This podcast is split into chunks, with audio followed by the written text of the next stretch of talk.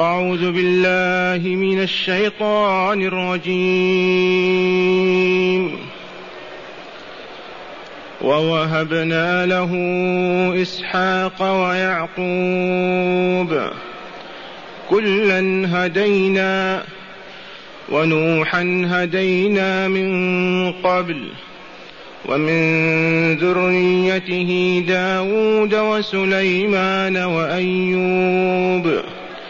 وأيوب ويوسف وموسى وهارون. وكذلك نجزي المحسنين.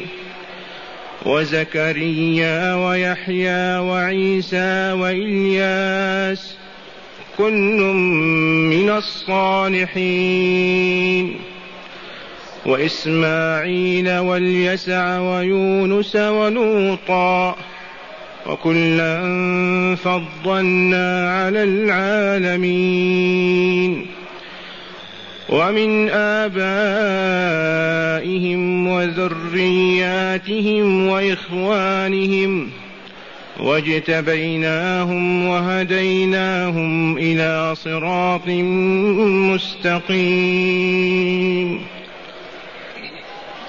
ووهبنا له إسحاق ويعقوب كلا هدينا ونوحا هدينا من قبل ومن ذريته داود وسليمان وأيوب ويوسف وأيوب ويوسف وموسى وهارون وكذلك نجزي المحسنين. وزكريا ويحيى وعيسى وإلياس كل من الصالحين.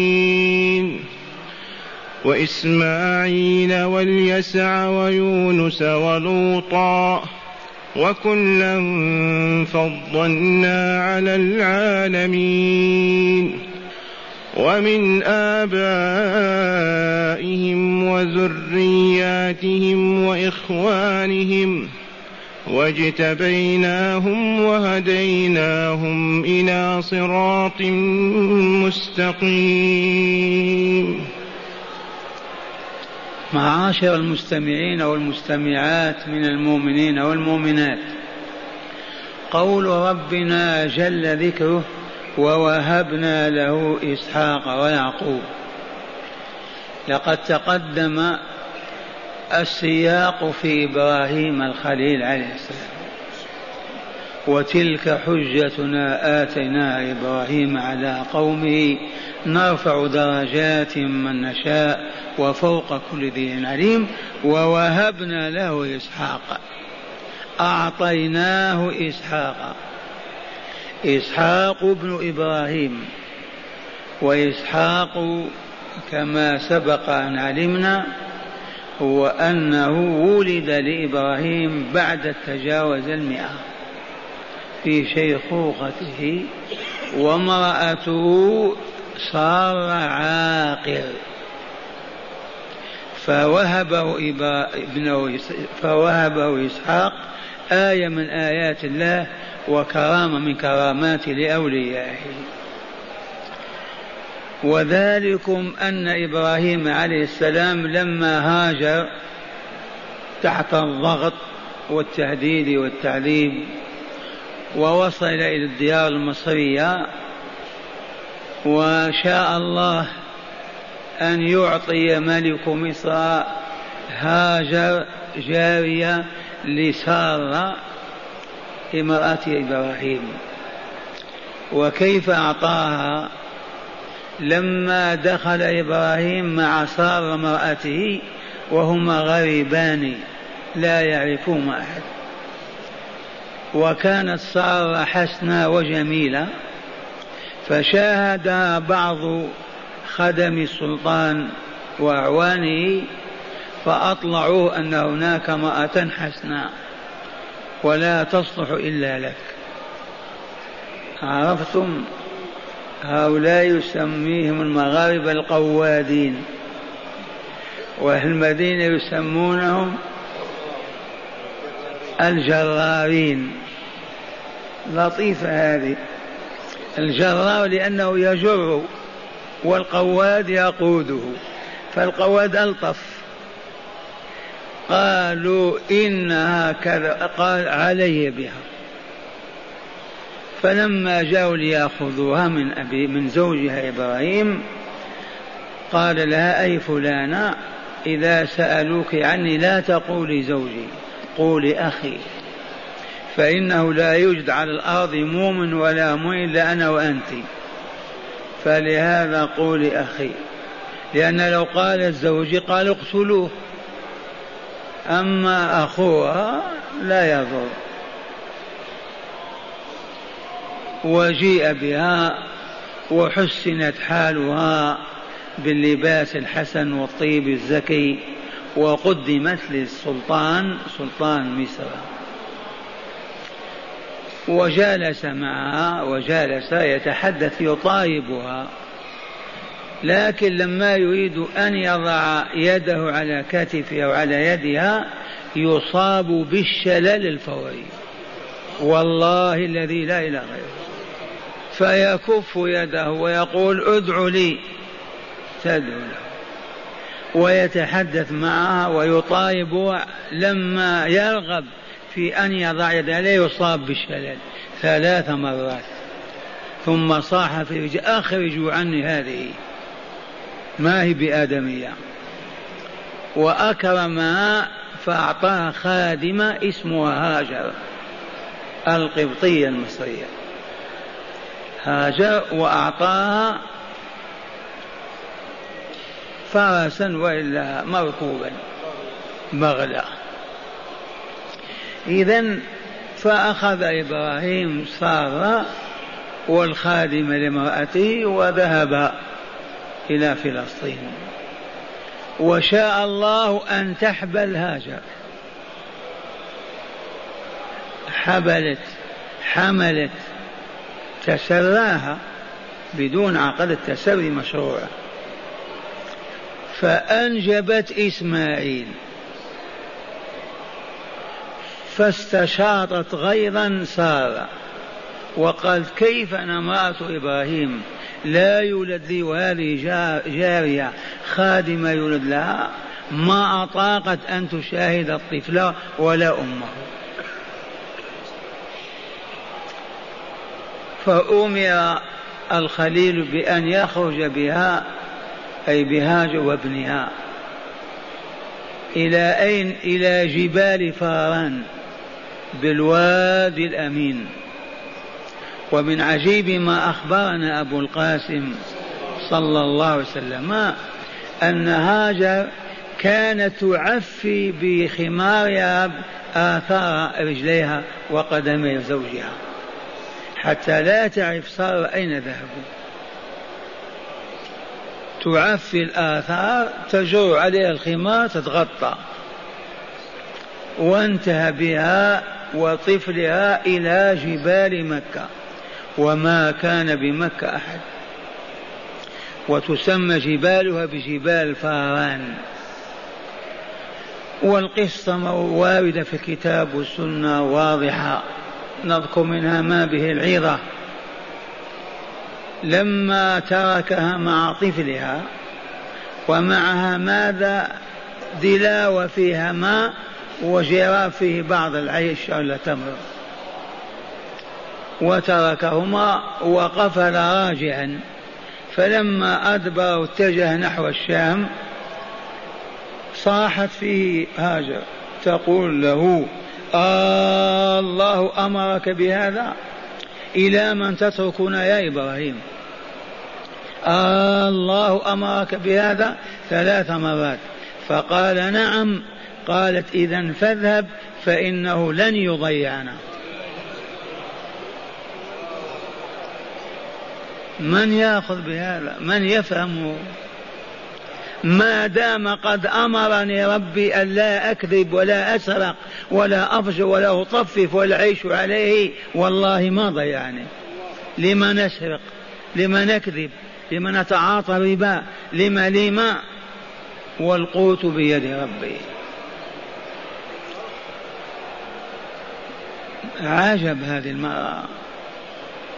الله أمرك بهذا. قال نعم. قالت إذا فاذهب فإنه لن يضيعنا. وتتجلى الحقيقة. نفد الطعام ونفد الماء. وإذا بالطفل هكذا يتلوى من شدة العطش. وهي تسعى تضم يمينا وشمالا لعلها تسمع صوتا أو ترى شخصا. وإذا بها ترى أقرب جبل إليها وهو الصفا. فتأتي فتعلو فوقه وتنظر يمينا وشمالا علها ترى رجلا ما رأت هبطت. لما وصلت إلى الوادي أسرعت خبت فيه خببا حتى تجاوزته وارتفعت. وانتهت إلى المروة فارتفعت فوقها سبع شواط. ثم سمعت النداء. وإذا بجبريل واقف على الطفل عند ماء زمزم. فلما وصلت إليه قال هكذا بكعب برجله ففارت زمزم وذهب جبريل.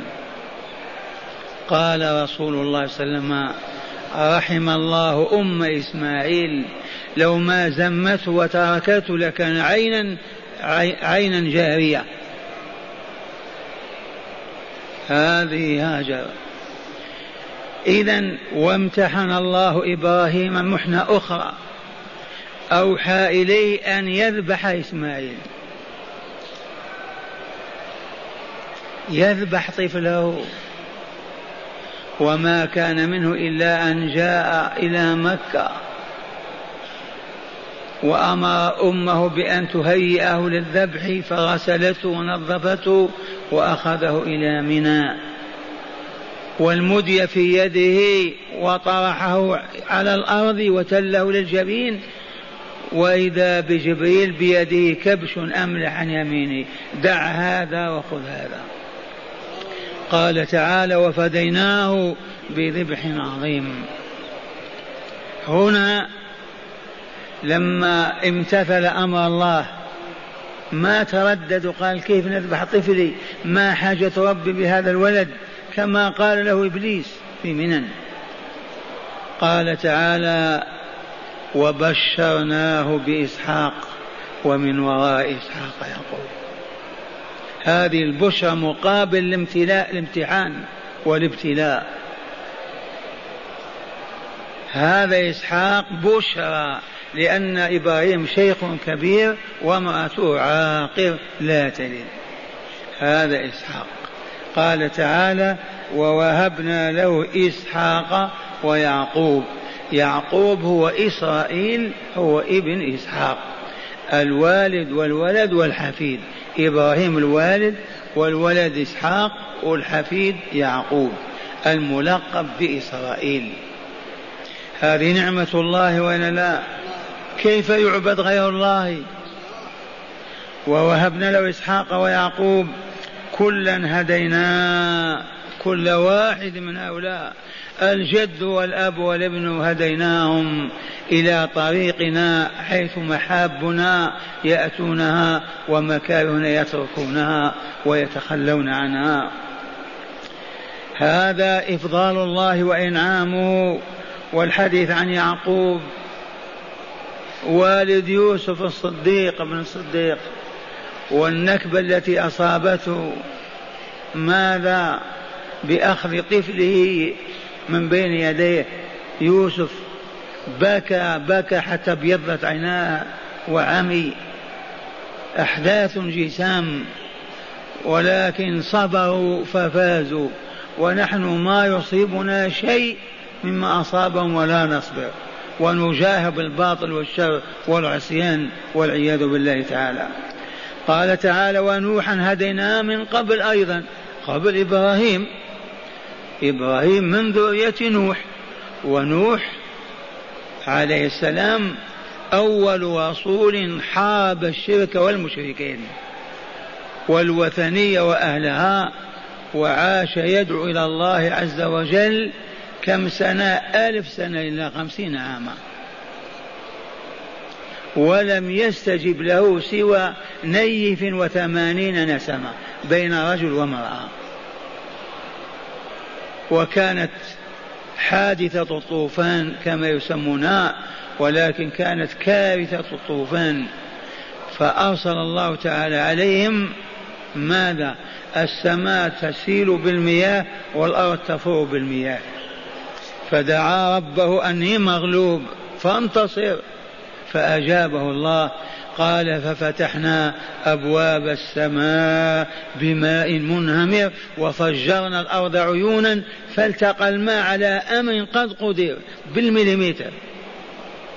وركب السفينة ومنعه وسبحت السفينة على الماء حتى هلك العالم بأسره.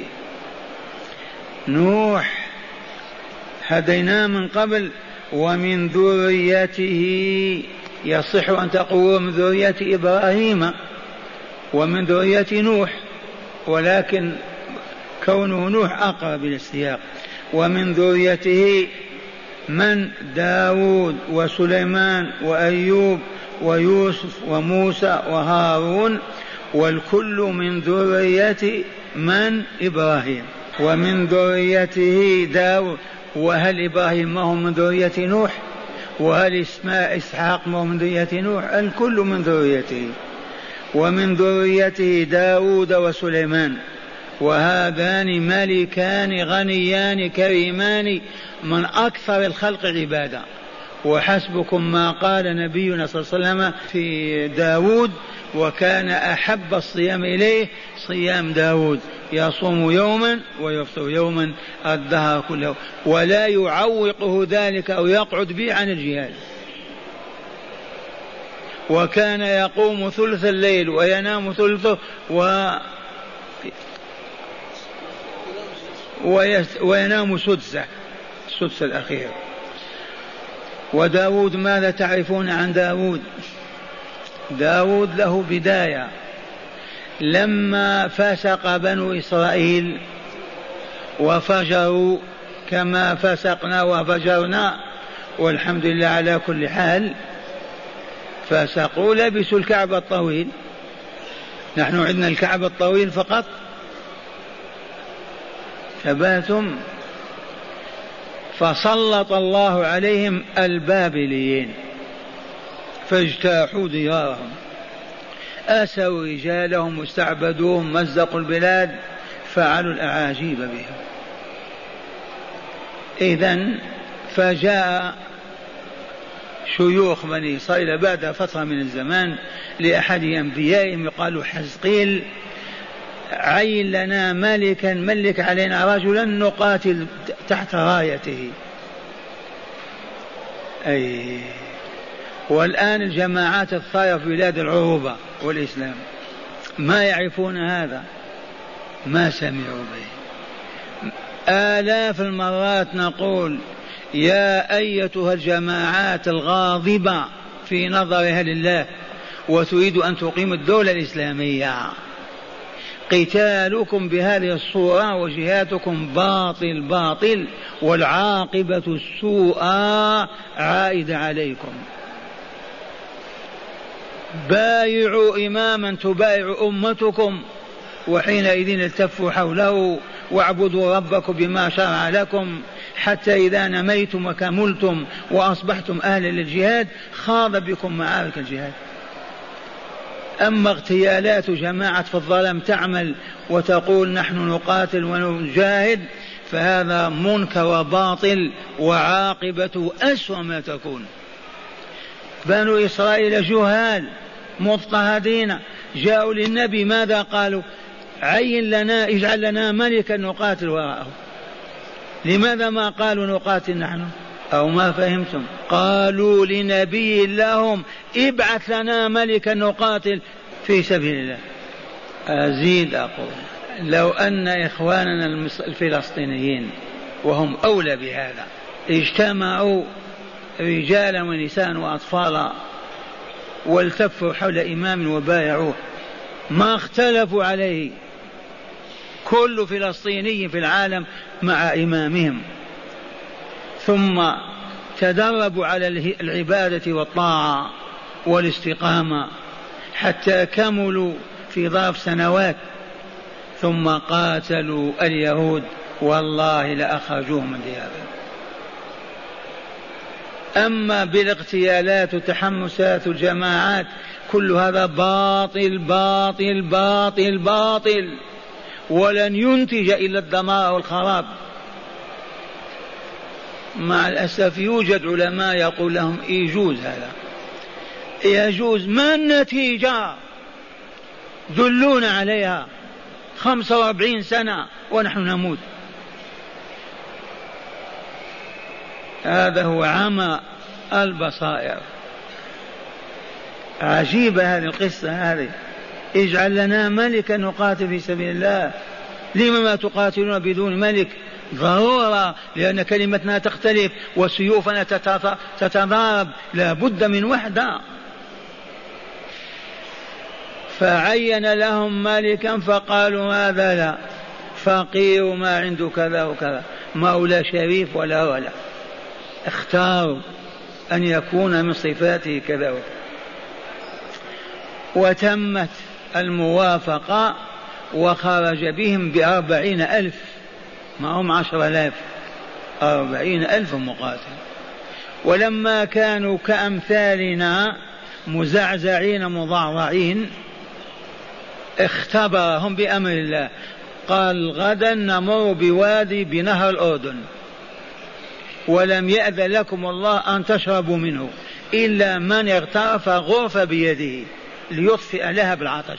فقط ما إن وصلوا إلى النهر حتى أكبوا عليه كالبهائم يشربون ما صبروا لأن ما عندهم إرادات ولا علم ولا بصيرة. ولم يبق منهم إلا ثلاثمائة وأربعة عشر رجلا. ما شربوا إلا من اغترف الغرفة المأذون فيها. ورجع أولئك الهابطين مهزومين. والتقى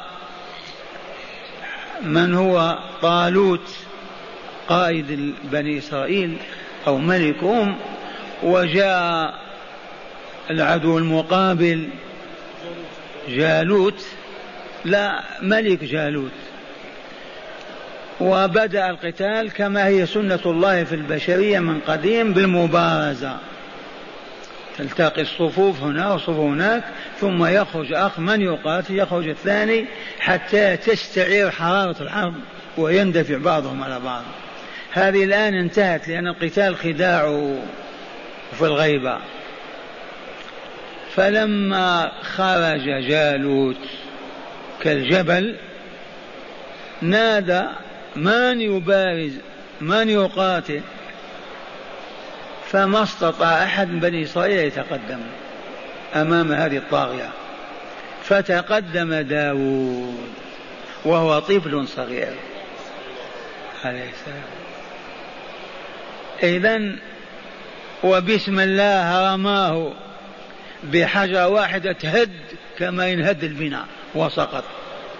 من ثم عينه خليفة له طالوت. وبعد وفاة تولى الملك. وأوحي إليه ونبئ وأصبح رسول الله وملك المؤمنين. هذا داود عليه السلام. وأنجب ولدا ألا وهو سليمان. ولهم أحداث منها أن سليمان كان يلعب أمام المحكمة الطفل ووالده داخل المحكمة. جاءت امرأتان تشتكيان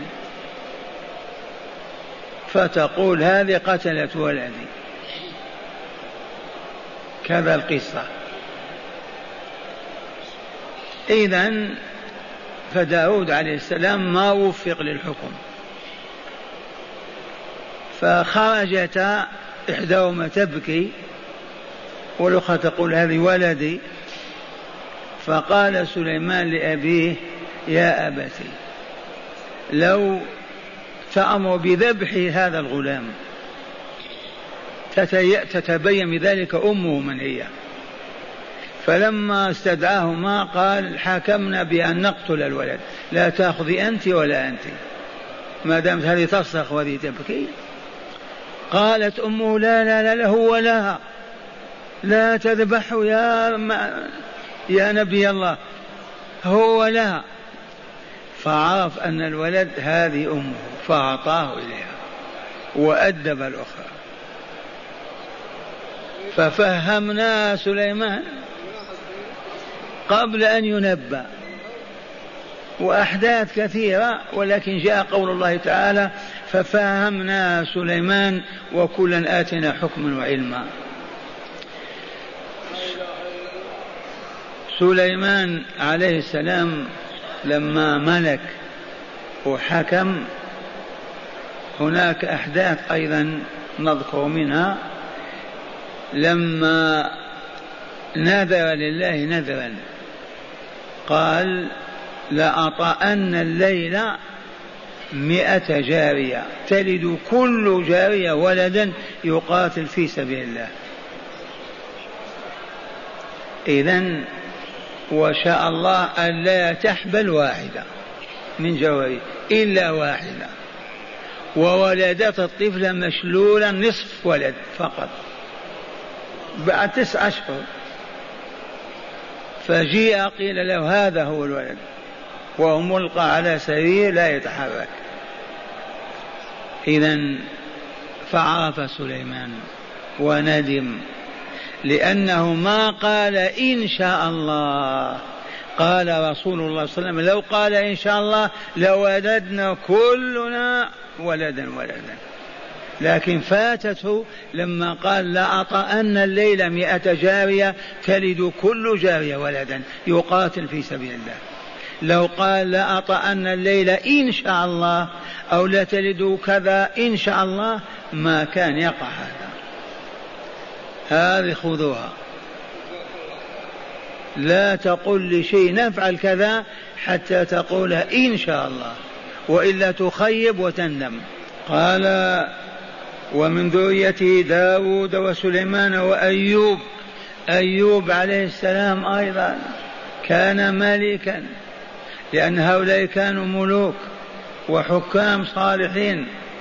أيوب وقع أيضا في واقعة وهي وأيوب إذ نادى ربه أني مسني الضر وأنت أرحم الراحمين فكشفنا ما به من ضر وآت لكن سبب هذا الضر على كل حال وقع له كما وقع لغيره من الامتحانات فامتحنه الله عز وجل وصبر. ثمانية عشر سنة وعلى الأرض. ولما أراد الله أن يكمل ما أدبه به أمره فقط أن هو نذر نذرا إن شفاه الله ليضربن امرأته بمئة ضربة. فأفتاه الله عز وجل بأن يأخذ مئة غصن عود خفيف يجمعها ويضرب بها ضربة واحدة. الله أفتى أيوب كما يفتي العالم الناس. خذ بيدك ضغثا فاضرب به ولا تحنث. إنا وجدناه صابرا. نعم العبد إنه أواب. هؤلاء ثلاثة قال تعالى وأيوب ويوسف وموسى وهارون وكذلك نجزي المحسنين. هؤلاء كلهم حكموا وسادوا وأحسنوا. كانت ميزتهم الحسن. أحسنوا في عبادتهم لربهم وأحسنوا في قضائهم وحكمهم وأحسنوا إلى الناس أجمعين لم يسيئوا إلى أحد. فلهذا قال تعالى وهكذا كما جزيناهم نجزي المحسنين ثم قال تعالى وزكريا ويحيى وعيسى وإلياس كل من الصالحين ما كان فيهم ملك ولا حاكم ولا ولا. ولكن كانوا ربانيين عبادا زهداء صالحين. فقال تعالى فيهم كل من الصالحين. زكريا أبو يحيى ويحيى ولده. وحادثتهما في القرآن أن زكريا عليه السلام كان لا يلد. به عقم. وامرأته كذلك. وتاق للولد واشتاق له. وشاهد حن والدة مريم كيف ولدت مريم؟ فلما رآها ولدت مريم ونمت وكبرت وولدت مريم عيسى. لما شاهد هذه المعجزة قال رب هب لي من لدنك ذرية طيبة إنك سميع الدعاء. ونادته الملائكة وهو قائم يصلي في المحراب أن الله يبشرك بيحيى. مع كبار سنه وعقم امرأته وبشر الله بيحيى عليه السلام. وزكريا ويحيى قتلهما بنو إسرائيل. فهم شاهدان. وعيسى بن مريم كذلك ماذا فعلوا به؟ عزموا على قتله. كان عابدا لله صالحا وعزموا على قتله ولكن الله أنقذه ورفعه إليه. ويونس ولوط كل هؤلاء ما كان فيهم ملك ولا سلطان ولا كانت لهم دولة بخلاف الطائفة الأولى. فلهذا قال و وكلا فضلنا على العالمين. كل واحد منهم أفضل الناس في زمانهم ذلك. ثم قال تعالى ومن آبائهم وذرياتهم وإخوانهم واجتبيناهم وهديناهم. أي وأوجدنا من آبائهم ومن ذرياتهم أناسا صالحين. ربانيين علماء أنبياء من الآباء والذرية. والكل واجتبيناهم اصطفيناهم واخترناهم وهديناهم إلى صراط مستقيم. ألا وهو الإسلام؟ دين الله الذي هو الإسلام. هنا معاشر المستمعين ثمانية عشر نبيا ورسولا في هذه الآية. هيا نعدهم. إبراهيم إسحاق يعقوب نوح آه، داود سليمان أيوب يوسف موسى هارون زكريا يحيى عيسى إلياس إسماعيل اليسع يونس لوط. ثمانية عشر. وأهل العلم يقولون سبعة وعشرون نبي خمسة وعشرون نبيا يجب معرفتهم على كل مؤمن ومؤمنة. الرسل ثلاثمائة أربعة عشر ما نستطيع نحفظها. الأنبياء مئة وأربع وعشرين ألف. لكن هؤلاء الذين ذكروا في القرآن قالوا يجب على المؤمن والمؤمن أن يعرفهم. ثمانية عشر في هذه الآية. وسبعة هم إدريس هود شعيب صالح ذو الكفل آدم محمد صلى الله عليه وسلم. ذكرون في ثلاث أبيات. قال حتم على كل ذي التكليف معرفة بأنبياء على التفصيل قد عرفوا. في تلك حجتنا منهم ثمانية. من بعد عشر ويبقى, ويبقى سبعة وهم إدريس هود شعيب صالح وكذا. ذو الكفل آدم بالمختار قد ختموا من المختار؟ بالمختار قد ختموا معاشر المستمعين والمستمعات من المؤمنين والمؤمنات هذا إفضال الله. هذا إنعام الله. ينعم على من يشاء ويتفضل على من يشاء. ولكن الذين يشاء التفضل عليهم والإنعام هم الذين يقرعون بابه ويطرحون بين يديه ويبكون ويسألون ويتضرعون. أما المستنكفون أما المستكبرون أما الشائعون بالغناء والاستغناء عن الله فهيهات هيهات أن ينعم الله عليهم أو يكرمهم. سبعة خمسة وعشرون نبيا ورسولا. أفضل الله عليهم وأنعم عليهم وهم متهيئون لذلك وهم أطفال يسحبون على الأرض. إذا والآن من هداية هذه الآيات أولا الشرك أولا ساعة فضل الله. دلت الآيات على ساعة فضل الله. أي واسعة أو محصورة ضيقة بدليل انظر ماذا يعطي وماذا يهب لمن يشاء من عباده. ثانيا خير ما يعطى المرء في هذه الحياة الدنيا ولد مرأة وظيفة مال قال خير ما يعطى الهداية إلى صراط المستقيم والله العظيم. لا تقول الرسول قال خير المرأة الصالحة وكذا ذاك للمؤمنين.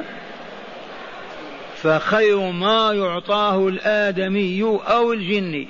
هو أن يهديه إلى صراط المستقيم ألا وهو الإسلام فيسلم قلبه ووجهه لله ويعبد الله تعالى بما شرع من أنواع العبادات حتى يتوفاه الله مؤمنا صالحا ويدخله في الصالحين. ثالثا فضيلة كل من الإحسان والصلاح. وصف جماعة بالصالحين ولا لا؟ وأخرى بالمحسنين. إذا يدل هذا على أفضلية كل من الإحسان والصلاح. الإحسان ما هو؟ أولا أن تعبد الله كأنك تراه. ومعنى هذا أن عباداتك كلها صالحة. ما من عبادة يؤديها العبد وكأنه ينظر إلى ربه إلا أتمها وأحسنها وأداها على الوجه المطلوب. هذا الإحسان أولا. ثانيا أن يحسن إلى الخلق فلا يسيء إلى أحد منهم. وهذا هو الكمال. يحسن إلى الخلق يبدأ بنفسه وبأقارب البشرية كلها إما أن يعطيهم الخير أو يكف عنهم الأذى والشر. أما الصلاح ما هو؟ ما هو الصالح؟ الصالح هو الذي يؤدي حقوق الله وافية. ما ينقص منها شيئا. ويؤدي حقوق العباد كذلك. هذا عبد صالح. هذا رجل صالح. ما بخس الله حقه ولا بخس أي إنسان حقه الذي وجب له. ولهذا الفرقتان درجة عالية. رابعا لا منافاة بين الملك والنبوة أو الإمارة والصلاح. لا منافاة بين الملك والنبوة. يكون نبيا ويكون ملكا ولا لا؟ كيف عرفنا هذا؟ داود ما كان ملكا سليمان ما كان ملكا وهما نبيان ورسولان. ما في منافاة أبدا بين الملك والنبوة ولا بين الإمارة والنبوة. أمير وهو نبي. ماذا؟ فضيلة كل من لا منافاة بين الملك والنبوة أو الإمارة والصلاح. خامسا فضيلة الزهد في الدنيا والرغبة في الآخرة. منين أخذنا هذا؟ فضيلة الزهد في الدنيا والرغبة في الآخرة. أخذناه منين؟ وإسماعيل. هل كان ملكا؟ كان غنيا. كان يعيش في مكة. يصيد ويأكل الذبيح وإلا لا؟ كذلك ليسع ويونس ولوط كلهم كانوا فقراء لكن زهاد في الدنيا مقبلون على الآخرة. هؤلاء مجموعة ذكر الصالحين وذكر المحسنين وذكر هؤلاء ما قال فيهم. ثبات وأثنى عليهم قال فضلناهم على العالمين لزهدهم في الدنيا وعدم رغبتهم في الآخرة. والله تعالى أسأل أن يجعلنا وإياكم من الزاهدين في الدنيا الراغبين في الآخرة. يا أولياء الله واسمحوا لي كتب علماؤنا قالوا من قال هو ولي يخشى أن يموت على, غير الإسلام. وراجوا حاشية الحطاب على خليل. من, من قال أنا ولي يخشى عليه أن يموت على سوء الخاتمة. إذا ماذا تقول؟ قول أنا عدو. أعوذ بالله. تقول أنا عدو الله؟ من يقول هذا؟ لماذا من أجل أن يحصل الولاية في أشخاص يركعون لهم ويسجدون ويذبحون القرابين ويعبدون؟ والله لهذا هو السر حصر الأولياء الولاية في من؟ في مجموعة خاصة. منهم من مات بنوا على قبره ومنهم ما زال يأتونهم راكعين ساجدين. أما الأمة كلها ما هي أولياء. إذا إذا ما كانوا أولياء إذا يجوز أكل لحومهم ودمائهم. أعداء الله. من لم يكن ولي الله ماذا يكون؟ عدو الله. فلهذا استباحوا نساء المؤمنين وأموالهم وأعراضهم كل شيء جائز. ما هم أولياء؟ الولي فقط من عبد من دون الله. أما نحن نقول والله ما منا أحد أيها الجالسون إلا ولي لله. إلا من كان منافقا هذا ما يجلس ليلة ويمشي. مثلا يعني الذي يثابر على جلوس هذا المسجد يقرأ كتاب الله وسنة الرسول يكون منافقا ما المنافق لأجل مصلحة يقضيها. إذا أنتم أولياء لكن هل درجتكم واحدة؟ الجواب لا. الأنبياء كم؟ آلاف المصطفون كم؟ خمسة. أفضلهم. أصحاب الرسول كلهم. أفضلهم واحد أبو بكر. وإلا لا؟ وقد قلت لكم بيانا نحن جيش الله وعسكره. لكن الجيش كله مرتبة واحدة. ما هو أولا عريف وعقيد. كذا ولواء وجنرال وكذا مراتب وإلا لا؟ وكلهم اسمهم جيش. فكلكم أولياء الله ولكن تتفاوتون بحسب صفاء الروح والإقبال على الله عز وجل. لكن هذه الرسالة إن شاء الله تتخرجون كلكم أولياء. قال من محاب الله تعالى أولا حبك لقاء ربك عز وجل بعد الموت. أحب يا عبد الله لقاء الله بعد الموت تكن حبيبه. حبك لقاء ربك عز وجل بعد الموت. لا اليوم قبل الموت بعد الموت. قال وذلك لقول الرسول صلى الله عليه وسلم من أحب لقاء الله أحب الله لقاءه. من أحب لقاء الله يا إبراهيم أحب الله لقاء احبب تحب قال وليس معنى هذا تسأل الله عز وجل الموت لتلقاه سبحانه وتعالى. ليس معنى هذا. تحب لقاءه عند موتك. أما الآن تحبه ولكن لا تحب لقاءه لأنك لا تلقاه الآن. لا تتمنى أن تموت لتلقاه الليلة. قال وليس معنى هذا تسأل الله عز وجل الموت للقاء لتلقاه سبحانه وتعالى. وإنما تكثر من الصالحات حبا في الله الذي أحبها ورغبة في لقاء يوم يجمع الله الخلائق ويكرم أولياءه برضاه عنهم وإدخالهم دار السلام. وقد بين رسول الله صلى الله عليه وسلم أن حب لقاء الله وعدمه يتمان للعبد عند الموت وهي سكرات الموت.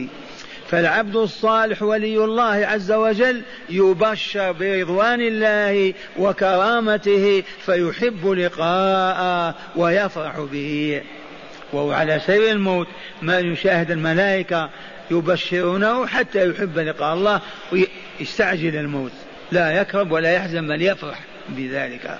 وأما الكافر والمنافق والفاجر والفاسق والظالم عدو الله فإنه يبشر بعذاب الله وعندها يكره لقاء الله بالموت والعياذ بالله.